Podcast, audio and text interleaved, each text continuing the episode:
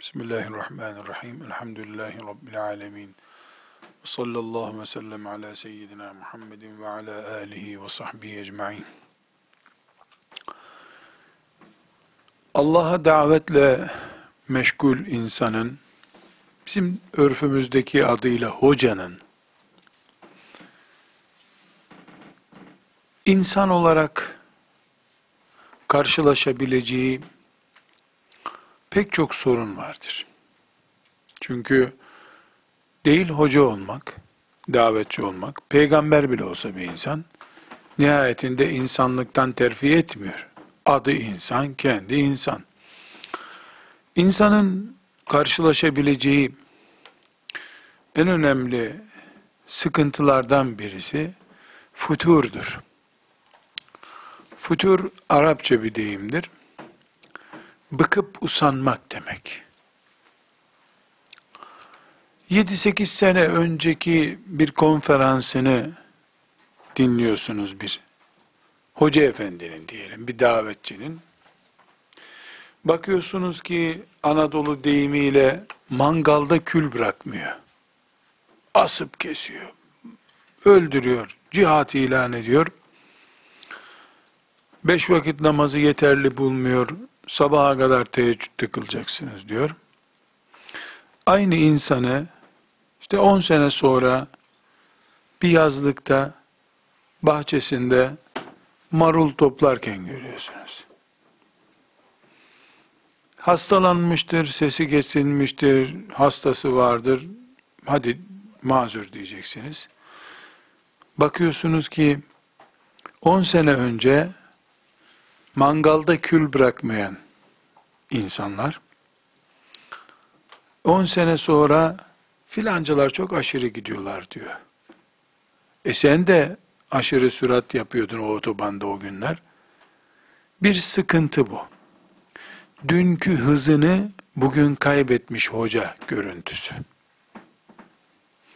Dün cihat olmadan olmaz diyordu. Şimdi neredeyse sözlükten cihat kelimesini çıkaracak. Dün üç sahife Kur'an okumak, hiç okumamak demektir. En az 30 sahife okuyacaksın diye. Heyecanlı ve abartılı isteklerde bulunuyordu insanlardan. Şimdi bakıyorsun, değişmiş. Hiç okumuyor belki de. Dün pantolonu dar olana kafir diyordu. Bugün pantolonsuz dolaşıyor kendisi. Bu ciddi bir sorun. İki açıdan sorun.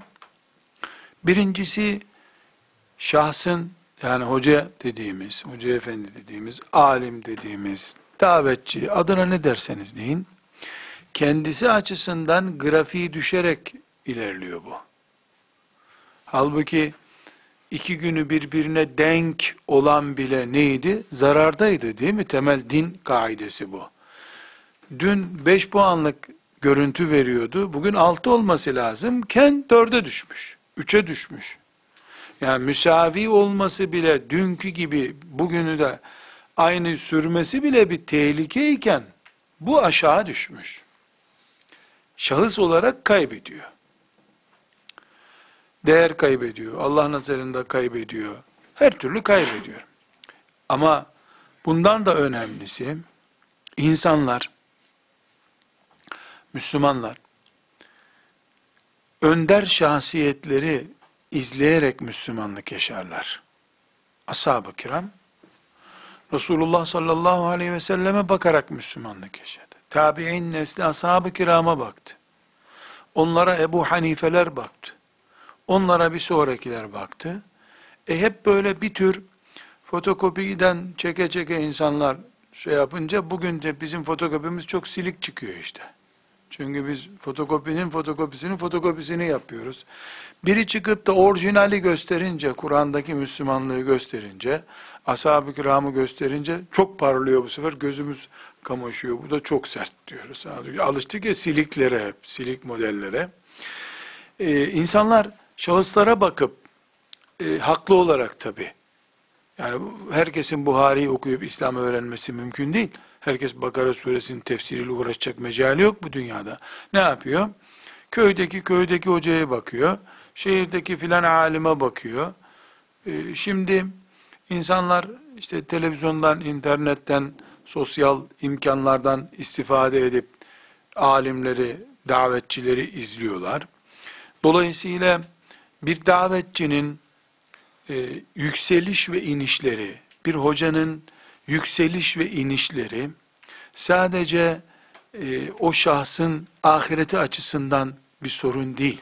Yani birey olarak kendi Ahmet dün 10 puanlık işler yapıyordu. Bugün 8 puanlık işler yapıyor. Ne yaparsa yapsın diyemiyorsun sen. Çünkü o önde durdu senelerce. O önde duruşu insanlar tarafından kayıt altına alındı. Şimdi o öndeki şahıs gevşek politikalar, şahsiyeti düşük işler yapmaya başlayınca bunun bedelini İslam öder. Müslümanların üzerinden. Dik duran, taviz vermeyen bir hoca efendiyle insanlardan önce kaçacak delik arayan bir hoca efendinin arasındaki fark budur. Hem kendi açısından sorun bu, hem de insanlar açısından e, sorun. E, elbette konuşmaya gerek yok. Kıyamet günü insanlar Allah'ın huzuruna çıktıklarında e, başları belaya girince, cehennemi önlerinde görünce hocaları gösterecekler. Çare yok. Herkes kaçacak bir delik arayacak çünkü. Anasını babasını gösterecek. Bana şunu öğretmemişti. Mahallesindeki hocasını gösterecek, kitabını okuduğu insanı gösterecek. Yani Müslümanın kendi Müslümanlığını yaşaması başka şey, başkalarının Müslümanlığının sorumluluğunu taşıması başka bir şey. Nasıl bir Müslüman birisini namaza başlattığında hep o namaz kıldıkça ecir kazanıyor.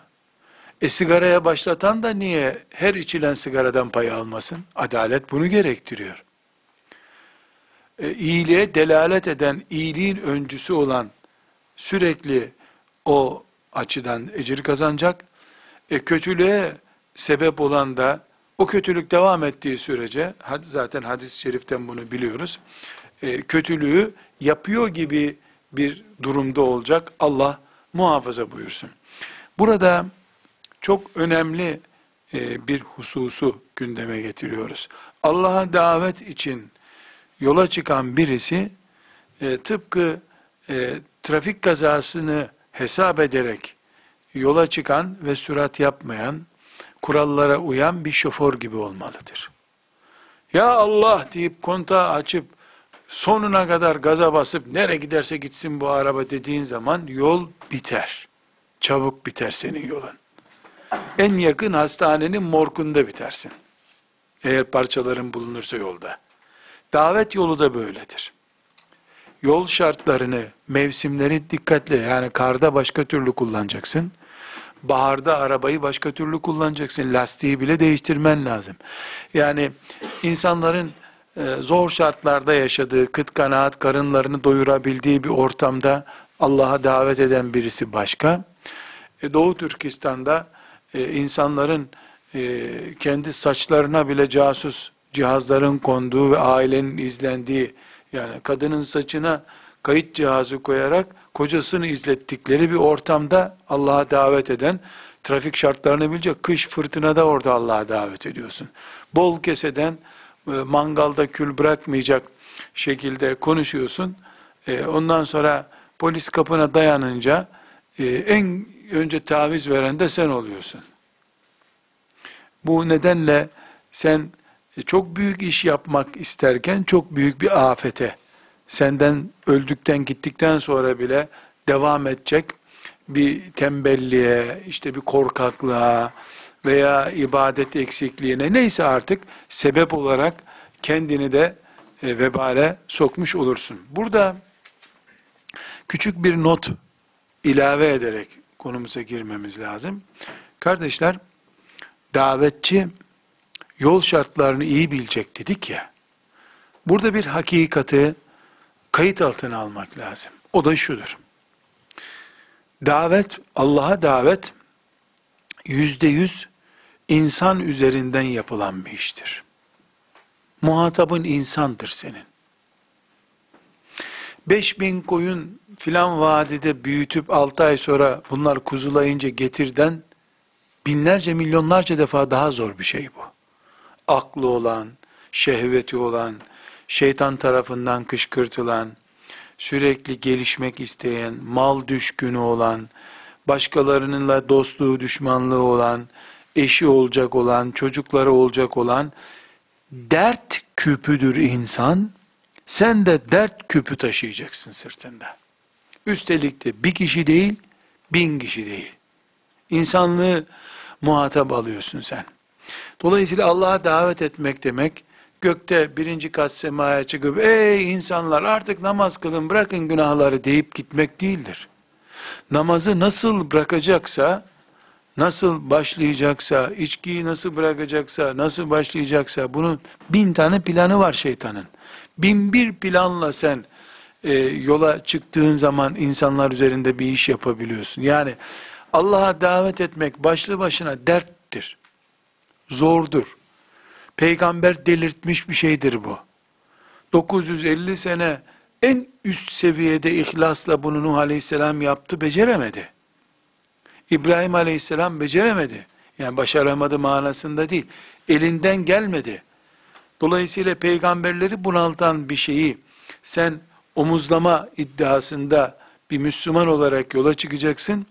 Bir kere en baştan bileceksin ki ciddi bir şekilde bir dert yumağının içine dalıyorsun sen.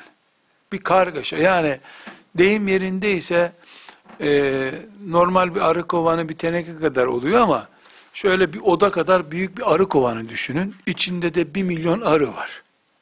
Sen maskesiz onların içine girip oradan bal almaya çalışacaksın. Yani binlerce, on binlerce arı peteğin üstündeler. Sen oradan kaşıkla bal yemek kadar nasıl böyle bir çetin, zor bir şeyse herhangi bir davetçinin şeytanın binlerce senedir sürdürdüğü tezgahından insan kurtarması da budur. Zor bir şeydir bu. Bunun içinde ve men ahsenu kavlen mimmen daa ilallah. Allah'a davet edenin yaptığı çalışma bunun için en önemli, en güzel, Allah'ın en çok razı olduğu iştir. Neden? Gerçekten çok bir şey. Yani yüzlerce, binlerce, on binlerce arının vız vız vız ötüştürdüğü ve insanı sokmaya çalıştığı bir yerden çay kaşığı ile bal toplayacaksın sen. Ve üç tane arı seni sokunca da zehirlenip ölme ihtimalin yüksek. Gözünü açtırmıyorlar sana arılar. E şeytan ne arıya benzer ne kurda çakala benzer. Milyonlarca şeytan bir insanın üstüne musallat oluyor. Yeter ki sen bu melaneti yap diyor. Yeter ki sabah namazına kalkma diyor. İnsan kılıklı şeytanlar da onun üstüne çullanıyorlar. Sen o kovandan e, o balı süzmeye almaya çalışan insan gibi o şahsı bataklıktan kurtarmak için uğraşacaksın. Çetin bir iş bu.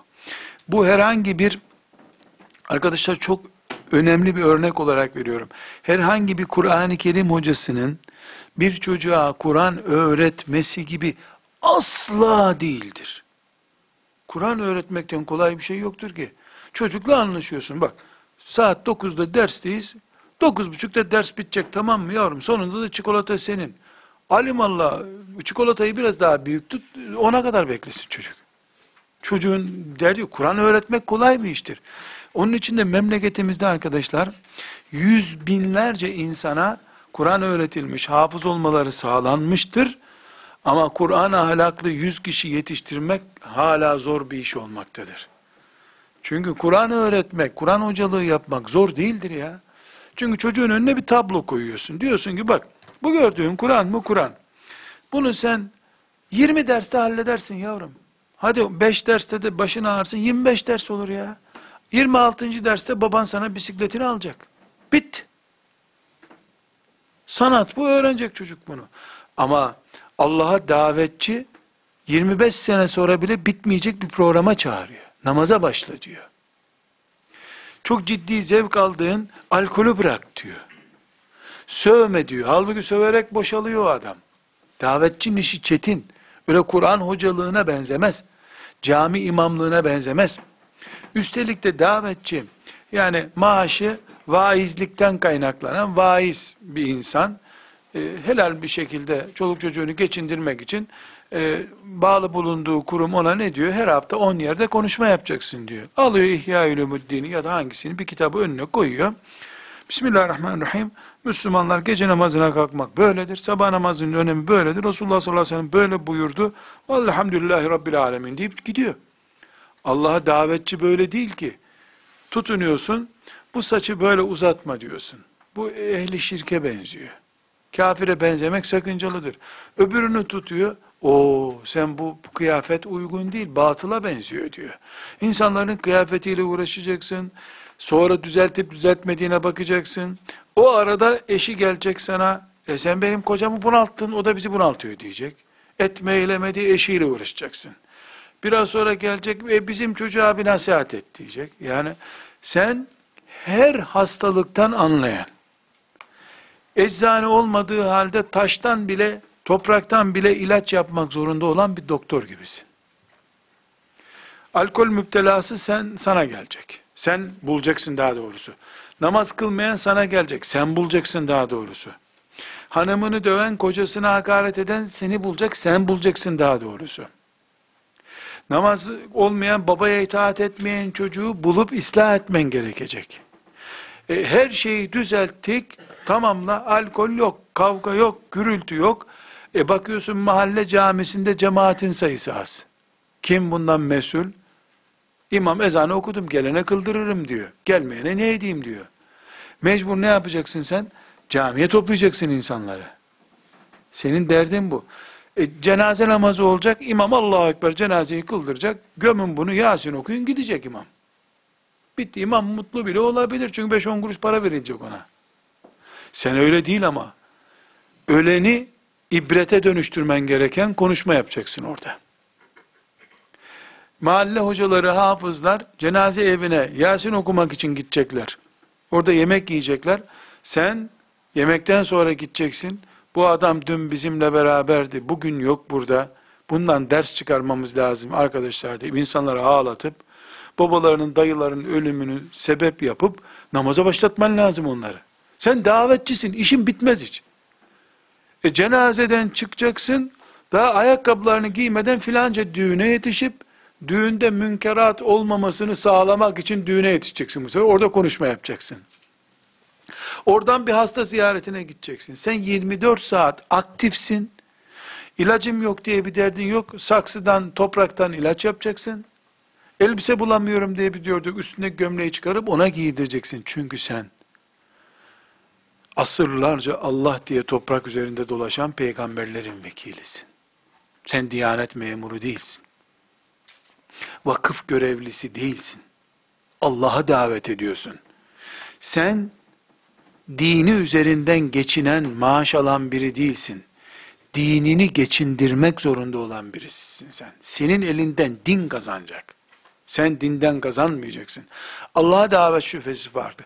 Bu sebeple kıyamet günü de dirilirken inşallah vakıf görevlileri, dernek görevlileri veya işte filan kurumdan maaş alıp insanlara namaz kıldıranlar vaaz edip işine bakanlar sonra da yaz tatili vallahi bizim cumartesi pazar görevimiz yok deyip müftülüğü kapatıp oturup da insanların meyhanelerde helak olmasıyla ilgilenmeyenler kendi statülerinde dirilirken inşallah Allah'a davet edenler görevini bu olduğuna inanıp bu imanla 24 saat aktif yaşayanlar inşallah Nuh Aleyhisselam'la beraber dirilecekler. يَوْمَ نَدْعُوا كُلَّ اُنَاسٍ bi imamihim. İmam buradaki cami imamı değil değil mi? Bütün insanları önderleriyle beraber toplayacağız. Yevme ned'u külle unasin bi imamihim. O gün ne zamandır o gün? Mahşer yerinde külle unasin bütün insanları bi imamihim önderleriyle. Şarapçılar, şarapçıların sultanı kimdir bilmiyorum. Yarışma yapılacak o zaman tabii fuarda seçilen birinci olacak o zaman kimse. Elbette e, artistik hayat yaşayanlar da artistlerin en büyük kimse kıyamet günü onun peşinden. İnşallah e, kendi ayakkabısı olmadığı halde yetim çocuklar ayakkabı toplamak için dağlarda, bayırlarda dolaşan, Allah'a davetle meşgul olan bir mümin gusül abdesti alsın diye e, karda, kışta, kıyamette elinde bir kova suyu götürüp al, aha su yok demiştin, al sana gusül suyu diye dinini yaymak için çalışanlar da hiç tereddüt etmiyorum Nuh Aleyhisselam'la beraber olacaklar. اَيَوْمَ نَدْعُوا كُلَّ اُنَاسٍ بِاِمَامِهِمْ Ayet. Ama Nuh Aleyhisselam davasından geçinen biri değildi. Davasından geçinen biri Nuh standartlarında değil şüphesiz. O da başka bir hacı abi bulması lazım. Çünkü orada bir sürü lider olacak. Merak etme. Herkese bir şey bulunacak yani.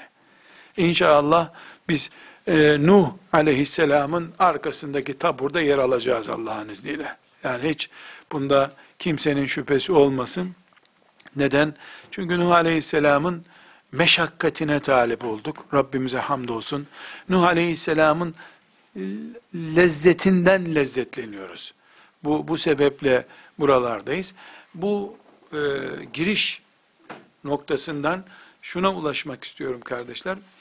E, insanız, belli bir takat kapasitemiz var bizim. Karşımızdaki davamızın malzemesi olanlar da insandırlar. Onlar da bütün olarak bakıldığında dert küpüdürler. Erkeğin derdi ayrı, kadının derdi ayrı, çocuğun derdi ayrı, fakirin derdi ayrı, zenginin derdi ayrı, namaz kılanının derdi başka, sarhoşun derdi başka. Hepsine muhatapsın sen. Senin Allah'a davet eden biri olarak uzmanlık alanın insandır. Ama Kur'an kursu hocasının uzmanlık alanı çocuğa Kur'an öğretmektir. Yaşlı kadınlara Kur'an öğretmektir. Alanı İslam'ın milyon e, beklentisinden bir tanesidir sadece. Allah'a davetçinin böyle bir derdi yoktur. Mesela e, Kur'an-ı Kerim hocasından derin fıkıh meseleleri beklenmez. Yani Kur'an-ı Kerim hocasının e, talakla ilgili, boşanma ile ilgili bir meseleye cevap vermemesi ayıplanmayacağı gibi onlar insanlar ona sormazlar da zaten. Çok basit bir şekilde bu Kur'an hocası derler. Yani anlamaz. Öğretir ama anlamaz. Eczacı yani bu doktor değil. Doktor anlar bu işten deniyor ya. Eczanede binlerce ilaç var ama hiç kimse eczacıya bu ilaç bana faydalı olur mu diye sormuyor. Doktor bunu bana verir mi diyor. Çünkü doktor anlar bu işte. Kur'an hocası kendi çapında uzmandır. E, filan caminin imamına da maalesef, buna maalesef diyorum ama, böylesi uygun değil. Çünkü mihrabın büyüğü Resulullah sallallahu aleyhi ve sellem öyle değildi. Ebu Bekir öyle değildi. Radıyallahu anh. E, caminin mihrabındaki insana da soru sormuyor kimse. O hoca namaz kıldırır diyorlar. Davetçi öyle değil ama. Hastalığını sana anlatır, şikayetini sana anlatır, yani filan devlet bize zulmediyor der, onu sana anlatır. Oğlu askere gitti, askerden telefon etmiyor, canı sıkılıyor, annesi sana anlatır, ne yapmam lazım, senden dua ister, sana beddua eder, aşırı gittin der. Daha beteri arkadaşlar, çok daha e, böyle bir garip olarak e, algılayabilirsiniz bunu. Çok daha beteri, davetçi olarak belki de, yani bir ağabeyiniz mantığıyla söylüyorum, haşa davetçi, iyi bir davetçi örneği olarak kendimi lanse etmiyorum. Allah mağfiret buyursun böyle bir şey değil. Ama e, mikrofonların önünde, özel sohbetlerde davetçi olarak bulunduğum yıllardan beri en zorlandığım şey e, benim gibi hoca olarak bilinen ya da ben onun gibi hoca adayı olarak bilindiğim şahıslar hakkındaki sorulardır. Bu davet o kadar zor bir şeydir ki öbür davetçinin hesabını da sen vermek zorundasın. Kardeşim ben geldim sana Allah'tan kork, namaza başla diyorum. Hoca efendi,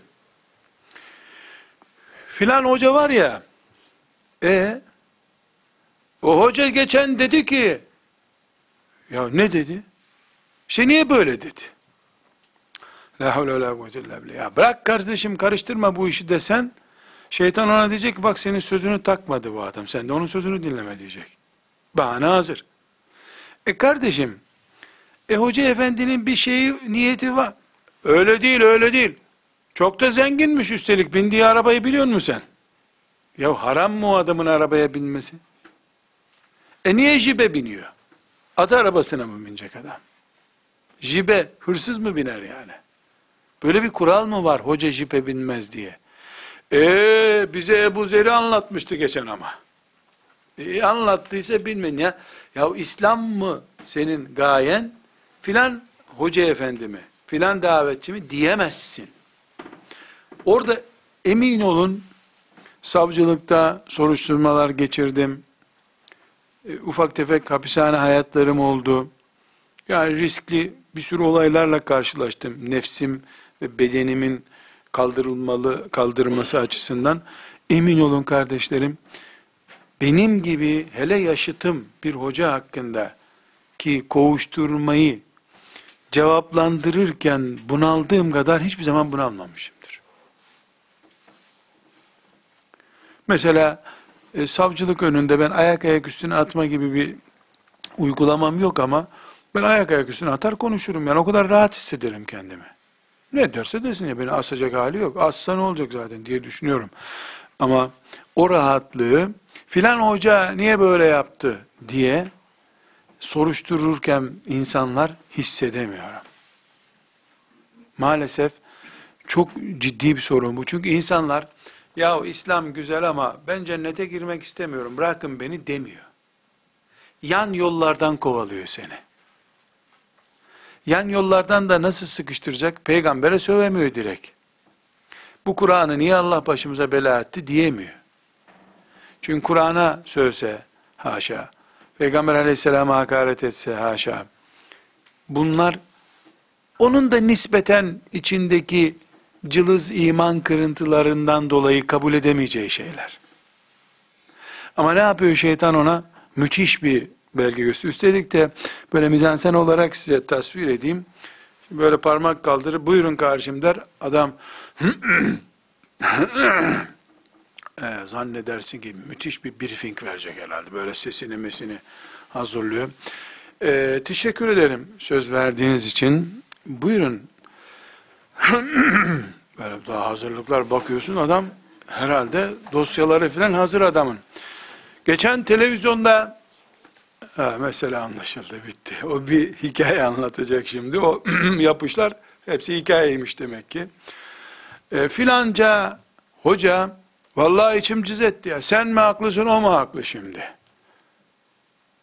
Burada arkadaşlar nasıl bunun çözeceğimizi e, ileriki derslerde konuşacağız inşallah. Yani bu bir sorun çünkü. Emin olun bir meyhanede herkesin elinde rakı şişeleri var ve sen orada ey insanlar Allah'tan korkun demeye başlıyorsun. Vallahi bu daha kolay. Girdim meyhanede bir dakikanızı alabilir miyim dedim. Trakya'da, Edirne'de. Emin olun böyle bir yan yan baktılar. Baklar elimde bir şey yok. Buyur baba ne istiyorsun dedi bir tanesi. Baba dediği zaman 40 yaşındaydım ben.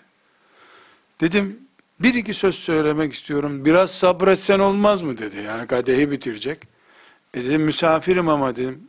Baş üstüne abi dedi bir tanesi. Hepsi baş üstüne dediler. Anlattım bir şeyler. Dinledik memnun oldun mu dedi bir tanesi. Çok memnun oldum dedim. Gidersen biz de memnun olacağız dedi. Nazik bir şekilde baktım şişe kafama gelecek çıktım gittim. Cami imamı götürdü beni. Beni bunlar dinlemiyor dedi. Taktik hatası yaptım imamı yanıma aldım. Çünkü onlar imamla bu konuyu konuşa konuşa onu rakip görmüşler gözünde. İmam da gayretli biriydi Allah razı olsun. Hocam yardım et bana. Ne demek dedim ya. Keşke onu camide bıraksaydım, ben kapıyı vursaydım, beni bir saat daha dinleyeceklerdi.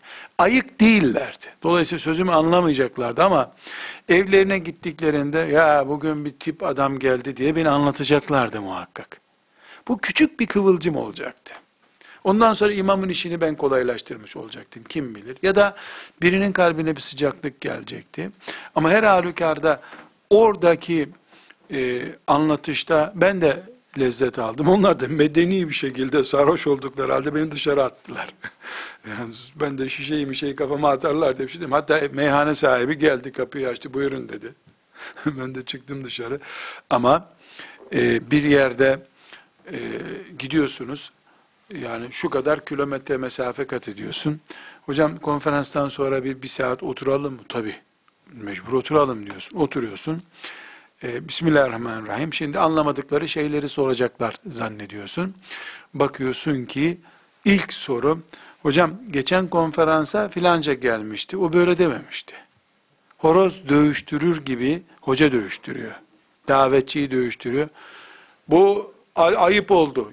Kurallara aykırı bu sorunuz. Hepinizi protesto ediyorum deyip çıkamazsın oradan. Bir saat önce konuştuğun her şeyi çöpe atman gerekir. Cevap versen dört köşe olacak şeytan. Oh be bunlar birbirinin aleyhinde konuşmaya başladılar olacak. Orada terliyorsun işte. Davetçinin işi kolay değil. Onu anlatmak için size diyorum ki davetçinin en zor işlerinden biri öbür davetçilerle aynı peygamberin ümmeti olduğunu, aralarında renk tonu farkı olmasının normal olduğunu anlatma zorluğudur. Bunu da anlatamazsın. Hele hele öbür bahsettiği senin karşına çıkardığı hoca, kimse artık alim, davetçi adını koymayalım. Her kimse eğer o özellikle kolay bir şey anlatıyorsa, mesela ev kredisi alınır canım, zaruret var diyorsa, alim Allah sen o doğrudur abi ben hata ettim demedikçe kalkamazsın o kürsüden. Onun faziletleriyle başlar. Mesela filanca hoca efendi çok e, alim biridir veya değildir. Bunu kim takdir edebilir? İlim adamı takdir edebilir. Yani ben 5 kiloysam beni 6 kiloluk biri tartabilir. Ben de 4 kiloyu tartabilirim. Kendisi 5 kilo olan 6 kiloyu kaldıramaz. Doğaya aykırı bu. Hacminden fazlasını kaldıramazsın.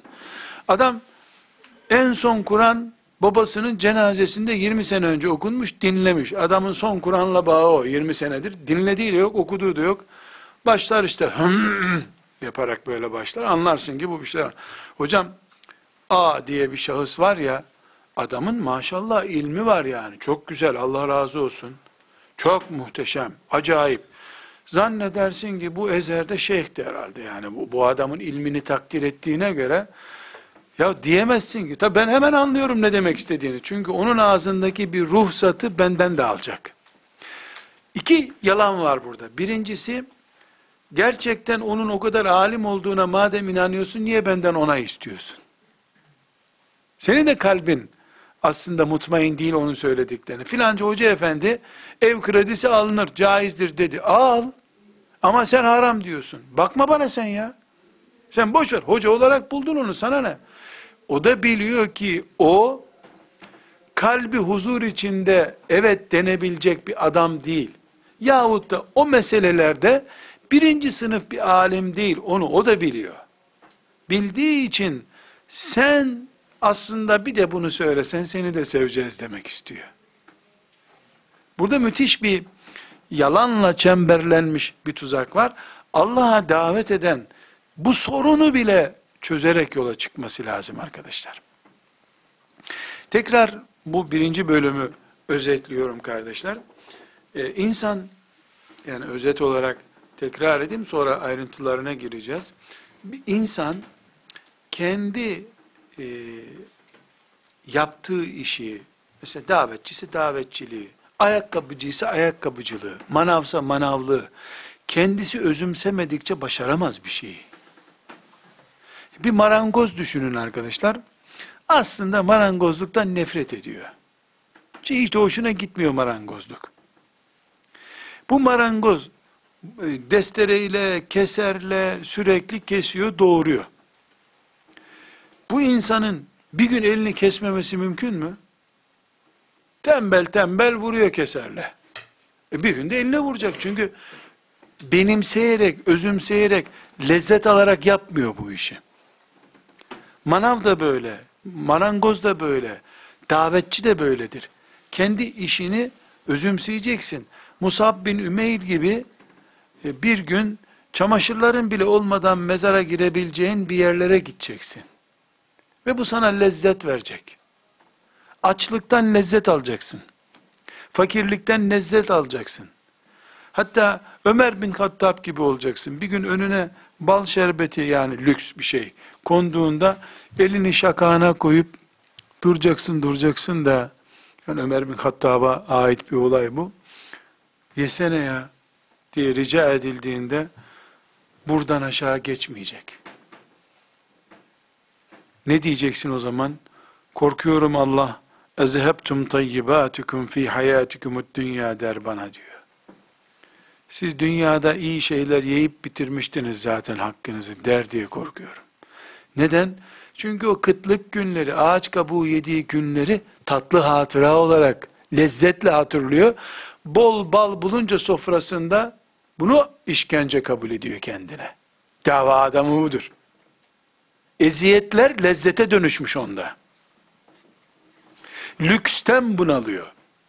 Yani bir dava adamının arkadaşlar çıktığı yolu tanıması lazım. Yazın kışın arabanın lastiği bile değişiyor. Kış lastiği tak deniyor sana. Yazın araba rahat kullanılır. Kışın şöyle kullanılır deniyor. Araba kullanmakta bile sen yola çıkmadan belirlemen gereken standartlar varsa hayda hay bir Müslüman olarak senin e, herhangi bir şekilde insanların önünde davetçi olarak bulunduğun bir ortamda herhalde herhalde oturup e, senin bir Müslüman olarak nerede, nasıl, kim ve ne için hangi vasıfla bulunduğunu tespit etmen gerekiyor. Bu sebeple diyoruz ki Allah'a davet eden bir kendisindeki zafiyetleri bilecek insanım kardeşim ben. İnsanım. Hasta olabilirim, bunalabilirim, bunun için ikinci bölümde anlatacağım inşallah. Bunun için de oturup bir Müslüman olarak sağlığına dikkat ettiği gibi moral kaynaklarına dikkat edecek. Moral kaynaklarına dikkat edecek. Çok basit bir örnek veriyorum sizler e, gençler ve büyük oranda bekarlar olarak Allah'a davet için yola çıktığınızda filan İmam Hatip Lisesi'nde Diyanet İşleri Başkanlığı'nda görev almanız şart değil tabi bunu 50 kere konuştuk. Yani Allah'a davet her yerdedir, her görevdedir. Yarın evlilik için bir masaya oturduğunuzda muhakkak eşinize, eş adayınıza ne istiyorsun benden diye soracaksınız. O da size ne istiyorsun benden diye soracak. Size tavsiyem şudur ki eğer davetçi olarak yola gidecekseniz bir cümle kullanın benim Hatice'm olacaksın. Bana hep daraldığımda moral vereceksin. Başka bir şey istemiyorum. Çünkü Allah'a davetçilerin en büyük handikapı, aşamadıkları şey arkadaşlar, akşam eve geldiklerinde dert dünyasında kendilerini bulmazdır. Zaten akşama kadar elin insanlarıyla uğraşıp başı davul olmuştur. Allah ona ne buyurmuştur? Git evinde sekinen seni bekliyor. Evine gider, kapıyı açmadan, kaçta geldin biliyor musun? Saat kaç? Bu çocuklarla ben delirdim burada, neredeydin sen? Biraz da kendi çocuklarınla uğraş, diyen bir kadın bulduğu zaman karşısında, oh puf edip, camdan da atlayabilirsin. Yapacak hiçbir şey yok. Dinlenmeye geldin, matkapla karşıladılar seni. Mesela bir kadın düşününüz, çocuklarına diyor ki yavrum, Babanız ümmeti Muhammed'in derdiyle yoğrulmuş bir adam. Kim bilir kaç sarhoş babanızı bunaltmıştır. Kim bilir şimdi hangi savcılıkta ifade veriyordur. Babanız gelince tatlı tatlı öpüp babanızın eline oturuyorsunuz tamam babayı üzmek yok. Baba gidince yarın beraber evi yıkarız. Diyen bir kadın düşünün. Bir de not tutmuş akşamki hesaplaşmalarda unutulmasın diye bir sürü gelir gelmez. Bir, ben kaçıncı gündür tembih ediyorum. Bu evin hala mutfağının eksikleri giderim. İki, anneme gitmedim hani seninle beraber gidecektik. Üç, bir saat geçmiş 16. maddedeyiz. Güvenlik soruşturması devam ediyor. E bu davetçi hepsinde haklı değil bunların şüphesiz. Çünkü Peygamber aleyhisselam Efendimiz de davetçilerin imamıydı. Peygamberlerin imamıydı. E, hanımlarının bu tip şikayetlerini gidermiyordu. Biz ne yapalım bir kere ahiret için çalışıyoruz demedi. Onların dünya nimetlerini giderdi. Buna rağmen kadınları gene liste çıkarttılar önlerine ama. Gene liste çıkarttılar önlerine. E, çünkü davetçinin kaderi budur. O da ne dedi? Bütün Arap Yarımadası emrinin altında parmağının işaretiyle dağların eriyeceği günleri gördü tabi. Peygamber aleyhisselam hep sıkıntı çekmedi. Maddi sıkıntılar Hayber'in fethinden sonra bitti. Yani son beş senesinde zengin hayat yaşadı Efendimiz sallallahu aleyhi ve sellem. Ama hangi zenginlik? Bizim kıtlığımız gibi bir şey işte. Yani zenginlik dediğimiz yaşadı ama ona rağmen ah Hadice dediği günleri hiç bitmedi. Ah Hadice. Ah Hadice. Ayşe radıyallahu anha bile yeter ya Resulallah o ihtiyar kadını anıp durma burada. Öleli 10 sene 15 sene yakın zaman olmuş. Ne anıyorsun bu kadını? Ne cevap verdi? Nasıl anmam Ayşe? Bugünlere onun çalışmalarıyla geldik. Geçen bir derste izah ettim. Arkadaşlar yanlış bir bilgi var. Hatice zengindi. Efendimiz de onunla evlendi. Malını Allah için harcadı deniyor. Bu söz doğru değil. Evet Hatice zengindi ama fabrikatör değildi. 10-15 top kumaş alacak bir parası vardı, sermayesi vardı. Fakir değildi o kadar. Bir. ikincisi Efendimiz sallallahu aleyhi ve sellem 25 yaşında onunla evlendi. 40 yaşında peygamberlik geldi. 15 sene. Hiç, peygamberliğin 3. senesinde Şib'a Vadisi diye bir vadide muhasara edildi Efendimiz değil mi? Aç bırakıldı. Ağaç kabuğu yendi orada. Evliliğinin kaçıncı senesiydi? 18. senesi. Orada niye ağaç kabuğu yedi Efendimiz ve ashabı madem Hatice'nin parası vardı? Çünkü 10 sene sonra kuruşu kalmadı Hatice'nin bitti. Hatice'nin parası çoktan bitti. Düğün masraflarına adeta gitti o para. Hatice anamız parasıyla o gönlü kazanmadı. Sadece Kur'an-ı Kerim'in ya eyyuhel muddessir, ya eyyuhel müzzemmil, ey örtüsüne bürünen peygamber, böyle bürünmüş peygamber aleyhisselam, korkuyor, kainat omuzuna konmuş ya. Kainat omuzuna konmuş. Kıyamete kadar yaratılacak belki 50 milyar insan omuzuna konmuş. Bunları kurtaracaksın denmiş. Deyim yerindeyse hani argo diyelim ödü patlıyor. Yapamazsan bu görevi ne olacak diye. O gün Hatice gelip korkma Allah seni utandırmaz ben arkandayım. Devam et dedi. O gün işte Hatice servet verdi Efendimiz'e. Yani moral verdi. Onu unutmadı Efendimiz sallallahu aleyhi ve sellem. Altı çocuk doğurdu. Şiba Vadisi gününde altı çocuğu vardı Hatice annemizin. Altı çocuklu bir kadın olarak geldi kocasının yanında ağaç kabuğu yedi. Zengin bir kadın ağaç kabuğu yer mi? Bazı böyle siret bilgilerine ayet hadis gibi takılıyor insanlar. Bu da bir abartıdan başka bir şey değil. Ah, Hatice'nin asıl fonksiyonu arkandayım Muhammed korkma sözüdür. O yüzden size tavsiyem kardeşler, evleneceğiniz zaman böyle bir kadın arayın. Gerekiyorsa böyle bir kadın farz düzeyine gelmedikçe evlilik, böyle bir kadın buluncaya kadar da evlenmeyin. Davetle meşgul olacaksanız tabii. Çünkü benim oturup kalktığım hocalarım, abilerimden diyelim yüz tane ki birkaç yüzden fazla büyük zat tanırım.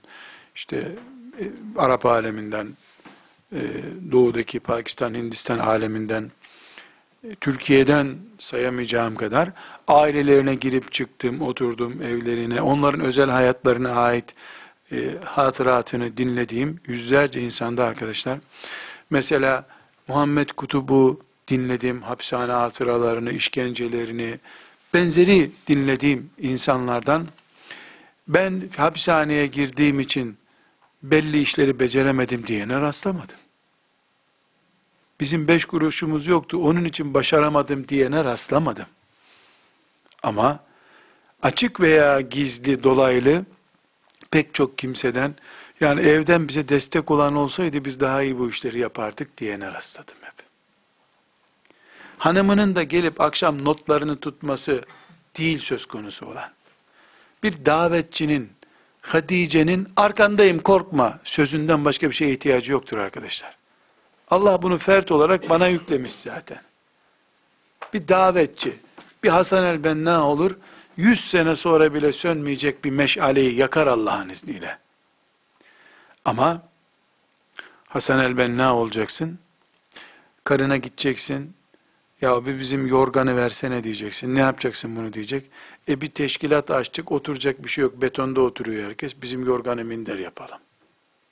Yeter be. Zaten senin bu eve aldığın bir şey yok diyecek yerde hemen onu bir çula bağlayıp kadın kendi eliyle teşkilata götürüp son yorganlarını, yattıkları yorganlarını kocalık, karılıkla ilgili son hatıralarını da açtığı teşkilata minder olarak koyan bir kadın. Hasan el-Benna dünyada da yarın Allah'ın huzurunda da iyilikleriyle anılırken bu kadın onun ortağı şüphesiz. Çünkü neden? Hasan el-Benna'yı biz göremiyorsak da vitrinin önünde Hasan el-Benna'yı hareketlendirip heyecanlandıran, ona aşk veren mantığın sahibi kadıncağız. Allah ikisine de rahmet eylesin. Bütün ümmeti Muhammed'in önderlerine rahmet eylesin. Burada kardeşler, konuyu tekrar tekrar toparladım. Bundan sonraki boyutu güzel anlaşılsın diye inşallah. İki noktayı yani sağ ve sol e, perspektiften bakıp iki noktayı vurguluyor. Birincisi, ey davetçi abi, sen insansın, et ve kemikten oluşuyorsun. Beynin cıvık bir kiloluk bir et nihayetinde. Bunu bilerek yola çıkacaksın. İki, ikinci perspektif, karşındakiler melek değil, hayvan değil, taş değil, mücevher değil, insan. Bunlar insan. Sen de insan, onlar da insan. Senin de zafiyetlerin var, eksikliklerin var. Bunların da bir sürü inatları var. Şeytan seni bırak lan bu mendeburlarla uğraşma diye yormaya çalışacak. Onları da takma lan bu buna, boş ver. Kendi, kendi bilgisayar kullanamıyor onun için senin programına karışıyor diye irdeletecek. Dolayısıyla sen kendi etten kemikten oluşumunu da unutmayacaksın. Karşındakilerin de insan olduğunu, zafiyetleri olabileceğini, bunalabileceklerini, bunaltabileceklerini unutmayacaksın. Şuurlu bir şekilde, mantıklı bir şekilde de yola çıktın mı, o zaman zindanlar senin için çay içme, çay ocağı haline gelir. Çay içtin, çay ocağı gibi hissedersin. O zaman zaman sana eziyet etmez. O zaman sen soğuktan sıcaktan etkilenmezsin. O zaman sen akşama kadar başın patlar, herhalde eve zor giderim, oradan da hastaneye kaldırırlar beni zannedersin. Eve gelirsin, evde de iki cilt kitap okuyup sabahlarsın. Rabbinle baş başa kaldığın güzel teheccüd namazları kılarsın. Ama hayalci bir mantıkla yola çıkarsan, hayalcilik ne ediyorum? Kendin de etten kemikten olduğunu bilmiyorsun, Artık karşındakiler insan, insan bunlar. Peygamberleri bunaltmış mahluk bu. Karşındaki cin olsa iki ayetel kürsi ile hepsini ayağının dibine, dizinin dibine çökertirdin ya. Euzu billahi mineşşeytanirracim dedin mi ihlaslı bir şekilde milyarlarca Çin önünde eğilir senin. Ama insanoğlu bu Kur'an-ı Kerim'i eritsen kafasına döksen istifade etmiyor. E peygamber ettiremedi. Halid bin Velid'in kılıcı ile bile yola gelmedi bu insanoğlu. Dolayısıyla gerçekçi olup yola çıkmak lazım.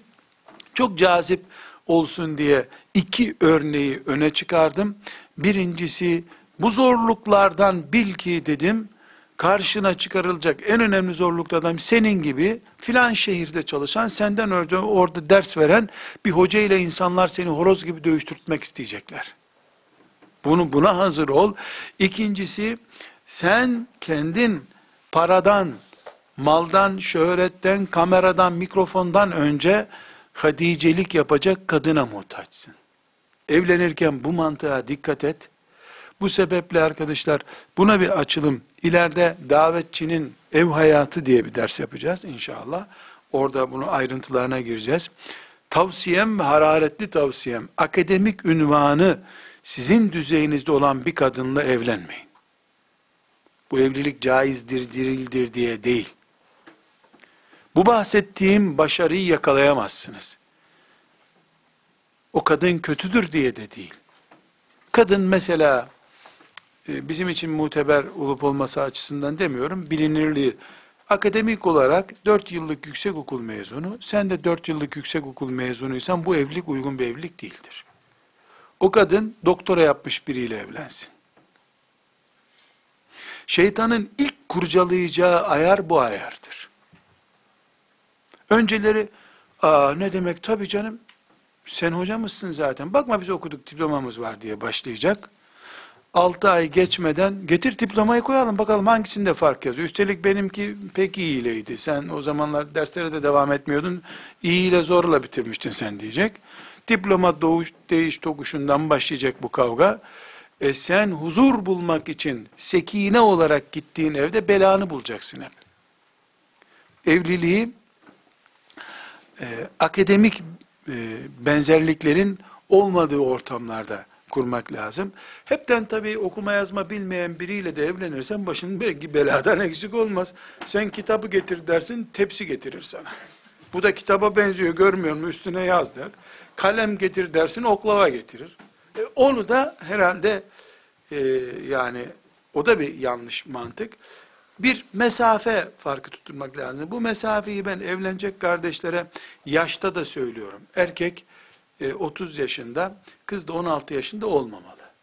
Bu yanlış. Ama e, erkekle e, kadının arasında erkek 24, kadın 22 oldu mu çok mübarek bir dengedir bu. Erkek sürekli bir yaş, iki yaş önde olursa bu çok iyi bir puan. Ama erkek e, 40 yaşında, kadın 15 yaşında, dinem bunun bir engeli yok. Tersi olsa da erkek 15 yaşında, kadın 40, bunun da dinen bir engeli yok. Şeriatımız buna izin veriyor. Biz davetçinin yaz-kış şartlarını iyi ayarlıyorum diyoruz ya, bunu konuşuyoruz. Ve sallallahu aleyhi ve sellem ala seyyidina Muhammed ve ala alihi ve sahbihi ecma'in velhamdülillahi rabbil alemin.